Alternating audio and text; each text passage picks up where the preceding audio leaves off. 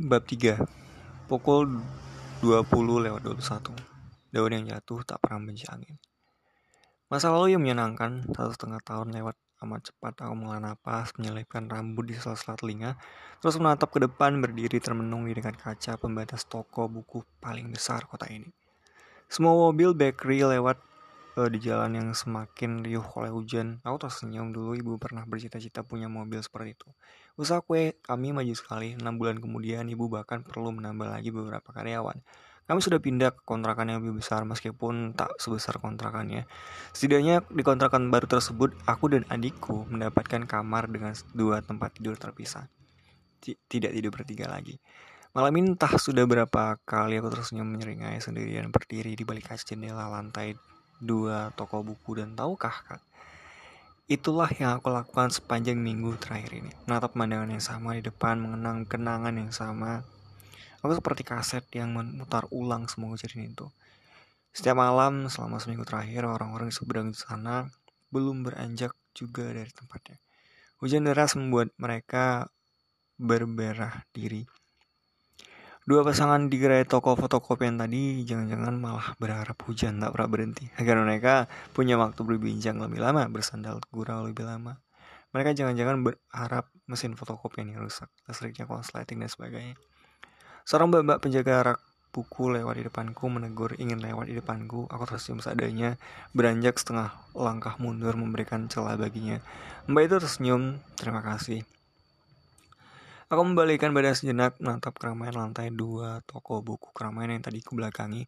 Orang-orang memadati lantai dua toko buku ini. Hujan, beberapa dari mereka sebenarnya hanya mencari tempat berteduh, sekalian berteduh, sekalian melihat. Beberapa anak kecil berumur 2-13 tahun bergerombol berdiri mengelilingi rak yang di atasnya bertumpuk buku dengan genre remaja. Remaja. Aku tersenyum. thank you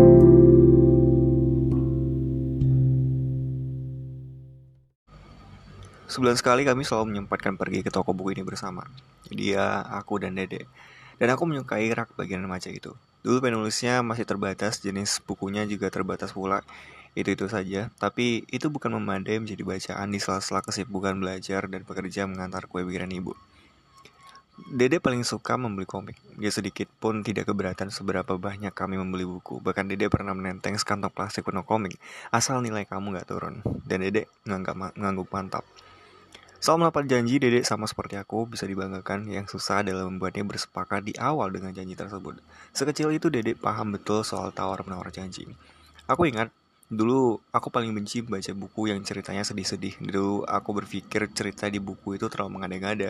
Bagaimana mungkin kesedihan akan beruntun menimpa kalian? Lagi pula, mana ada cerita yang bisa mengalahkan kesedihan keluarga kami sebelum mengenal dia. Kami sudah cukup menderita selama tiga tahun itu, tinggal di rumah kardus, ke mana-mana bertelanjang kaki dan harus bekerja dari pagi hingga malam di jalanan. Kesemua itu bahkan bisa menjadi novel sedih yang sempurna. Tak ada lagi situasi yang lebih buruk daripada masa lalu tersebut. Sudah cukup. Namun aku keliru. Situasi yang menyenangkan itu ternyata berubah amat cepat. Situasi yang buruk lima tahun silam itu masih bisa berubah memburuk. Tiga bulan sebelum aku lulus SD, ibuku jatuh sakit. Sakit parah. Dia amat repot membawa ibu sang kemari dua kali lipat. Dua kali pindah rumah sakit. Dokter tak butuh waktu lama untuk memvonis ibu kanker paru-paru stadium 4. Selama ini tidak terdeteksi karena ibu sedang bahagia. Kebahagiaan itu menutupi kondisi fisiknya. Barulah selama dua tahun tak pernah datang lagi masalahnya meski perasaan bahagia bisa mengalahkan penyakit fisik badan memiliki batasnya dan malam itu ibu jatuh sakit begitu saja. Aku panik seketika. Belum pernah kulihat perubahan fisik sedrastis itu. Dua minggu dirawat di rumah sakit, kondisi ibu sudah mengenaskan. Satu bulan kemudian cepat sekali muka ibu putih memucat, bibir membiru. Dua minggu kemudian tubuh ibu sudah layu mengurus, kurus kering. Dan cahaya tubuh ibu mendadak berubah menyedihkan semikian rupa. Usaha kue-kue ibu berhenti. Tidak ada yang bisa menggantikannya. Sehari-hari selepas sekolah pekerjaan dede dan aku hanya menunggu ibu di rumah sakit. Bahkan kami sering membolos karena tak mau meninggalkan ibu sendirian. Dia selalu datang setiap pulang kerja menemani kami menunggu ibu. Kembali rajin bersama kami. Karena dua tiga kali dia juga datang dengan bawa sekantong jeruk. Aku enggan mengomentari, hanya hatiku yang berseru sebal. Siapa pula yang bisa makan jeruk dalam kondisi seperti ibu? Tapi adikku mau menghabiskannya. Aku sibuk memikirkan banyak kemungkinan buruk dan satu dari semua kemungkinan buruk itu cukup sudah untuk membunuh semua kegembiraan kami selama ini. Ya Tuhan, aku tak bisa membayangkan apa yang akan terjadi jika ibu tidak kunjung sembuh. Dalam doa-doa, aku hanya menyebut kesembuhan ibu. Aku tak ingin kehilangannya. Lihatlah, apa yang akan terjadi kalau dia pergi? Aku sering menangis sambil memeluk tubuh ibu yang semakin mengecil, tertidur sambil mendekapnya. Dede hanya banyak pengeluh. Kapan ibu pulang? Dede pengen makan kue. Ibu hanya menatap lemah dengan mata yang rongganya sudah cekung sedemikian rupa.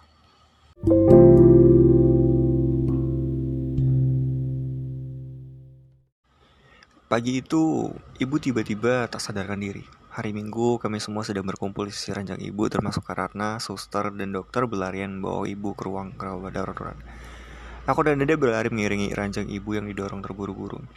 Aku tak tahu apa masalahnya, tapi aku menangis tertahan sepanjang lorong. Mereka membawa ibu ke dalam ruangan yang dibatasi kaca. Seorang suster tersenyum tegas melarang aku masuk. Aku ingin bersama ibu. Aku membentak suster itu. Dede berdiri di belakangku, ikut melotot melawan. Seperti biasa, siap memukul siapa saja yang menghalangi kakaknya. Suster itu entah mengatakan apa, mengganggu bahuku, menyuruhku menunggu di luar. Aku tak mendengarkan sekali lagi berteriak, berontak, merangsek ke dalam. Jadi mengangkat tangannya benar-benar hendak memukul. Aku ingin masuk ke dalam. Aku semakin kalap. Beruntung dia meraih bahu kami sebelum keributan itu terjadi, menarik badanku. Kita bisa lihat dari sini kan. Dia menatapku dalam-dalam, mengusap mataku dengan ujung sapu tangannya. Tapi, tapi Tania ingin di dalam bersama ibu. Kita akan mengganggu dokter. Aku ingat, suster tadi juga bilang soal kata mengganggu dan aku segera marah kepada dia. Bagaimana mungkin aku di sana akan mengganggu? Aku sekedar berdiri, hanya menatap ibu dari jarak dekat. Kata itulah yang justru menggangguku. Aku ingin berteriak kepadanya, tapi aku ingat dengan janjiku dulu. Aku tak akan pernah melawannya, tak akan pernah. Maka setelah terisak beberapa saat, aku mengalah duduk mendeplok di lantai lorong rumah sakit bersadarkan dinding. Dede ikut duduk di sebelahku walau tak mengerti benar apa situasinya. Entah apa yang dilakukan orang-orang berseragam putih tersebut hingga menjelang sore mereka tidak keluar-keluar dari kamar ibu. Juga hingga malam datang menjelang malah semakin ramai dokter-dokter yang lain. Aku menolak mentah-mentah saran Karatna yang ingin mengantar kami pulang. Aku meneriaki Karatna keras sekali. Karatna tidak marah, bahkan berkaca-kaca matanya. Dan dia membiarkan kami kali ini. Sekitar jam sembilanan, saat aku dan adikku jatuh tertidur di lorong itu dengan ditutupi selimut yang dibawa Karatna, aku mendengar keributan di sekitar kami. Aku pelan-pelan terbangun. Bagaimana mungkin? Kalian harus melakukan apa saja agar dia bisa sembuh. Dia menekan suaranya sedemikian rupa agar tidak mendengar kami. Tapi kalimat itu ter masih terdengar dengan intonasi amat serius. Kami sudah berusaha, Mas Dana. Semuanya sudah terlambat. Benar-benar terlambat. Terlambat bagaimana? Dia berseru mengeras. Dokter itu menggelengkan kepalanya terdengar suara berdebam dia entah sudah memukul apa, mungkin dinding ruangan. Kau lihat, dia menarik tangan dokter itu kasar keluar ruang, menunjuk kami yang tertidur di balik selimut. Kau lihat siapa yang akan kehilangan kalau dia meninggal. Anak-anak itu tak punya siapa-siapa lagi selain dia. Ya Tuhan, lakukanlah apa saja. Aku mohon. Suaranya paruh. Dokter itu hanya mendesak. Bahkan sekalipun dibawa ke Singapura juga percuma Mas Danar. Semuanya sudah terlambat. Paling lama mungkin hingga besok itu bisa bertahan. Dia menahan napas yang mencoba mengendalikan emosinya memegang dinding kaca. Kaca itu bergetar oleh tangannya. Aku terisak. Meski tidak mengerti banyak, kabar itu terdengar teramat menyakitkan. Dede yang ikut terbangun menyentuh tanganku bertanya polos dengan muka mengantuk dan pipi berbekas iler. Ada apa kak?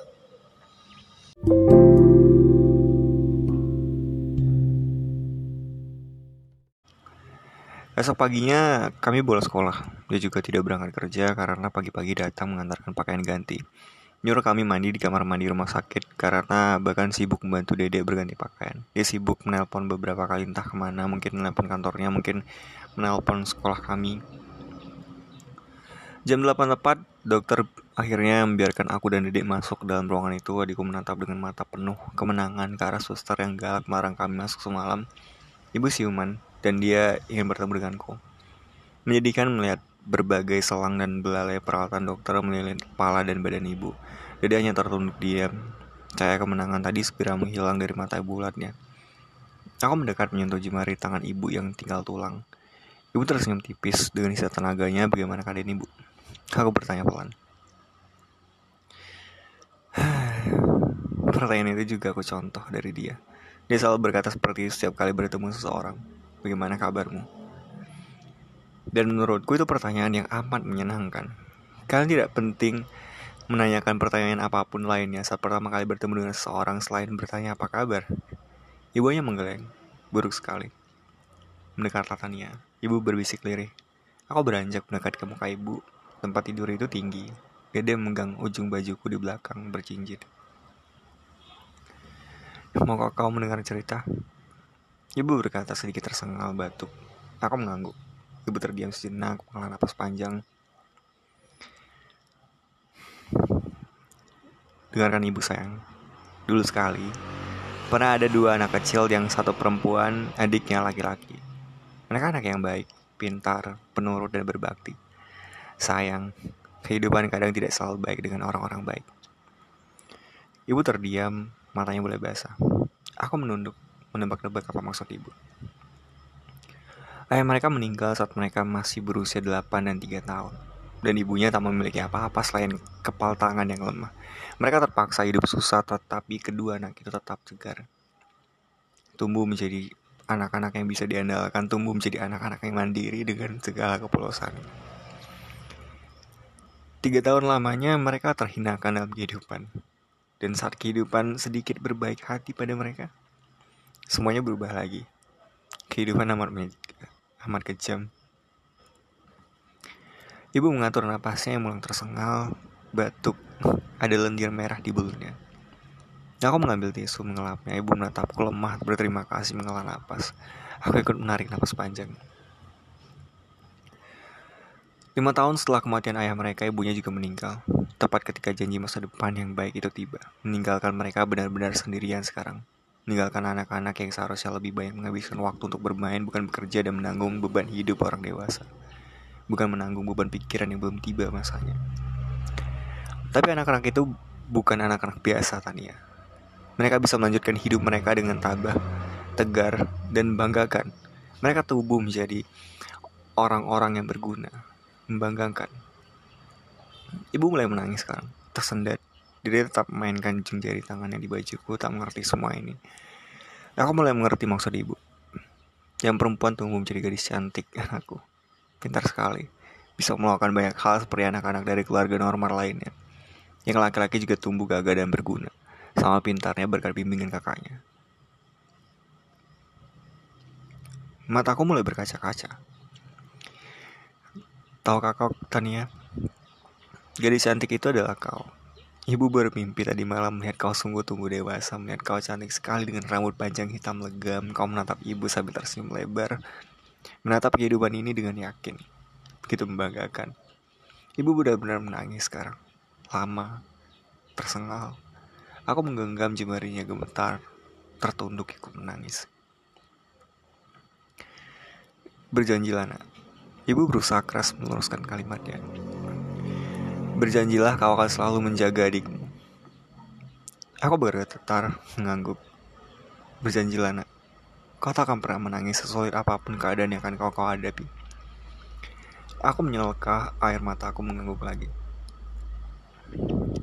Ketahuilah, ini akan menjadi tangisan ibu yang terakhir. Tadi malam, ibu bermimpi ayahmu datang menjemput. Ibu akan pergi selamanya. Ya Tuhan, semua takdirmu baik. Semua kehendakmu adalah yang terbaik dan aku menyerahkan nasib kedua anakku kepadamu. Kau baik sekali mempertemukan kami dengan seorang sebelum kematianku, dengan malaikatmu. Aku terisak semakin dalam. Berjanjilah nak, ini akan menjadi tangismu yang terakhir pula. Gemetar tangan ibu memulai jemariku. Kau tak boleh menangis demi siapa pun mulai detik ini. Kau tak boleh menangis bukan demi adikmu sekalipun. Aku mengangguk. Kecuali kecuali demi dia kecuali demi dia Ibu menatapku amat lemah sambil tersenyum ganjil untuk terakhir kalinya. Aku tak tahu apa maksudnya, karena sekejap kemudian ibu sudah jatuh tertidur. Aku berteriak panik. Dia dan Karana berlari tergesa masuk ke dalam ruangan. Ibu pingsan lagi.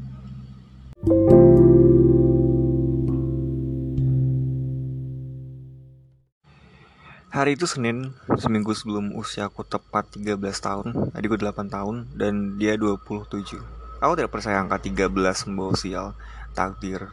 Sore itu ibuku meninggal, pergi selama-lamanya dari kami.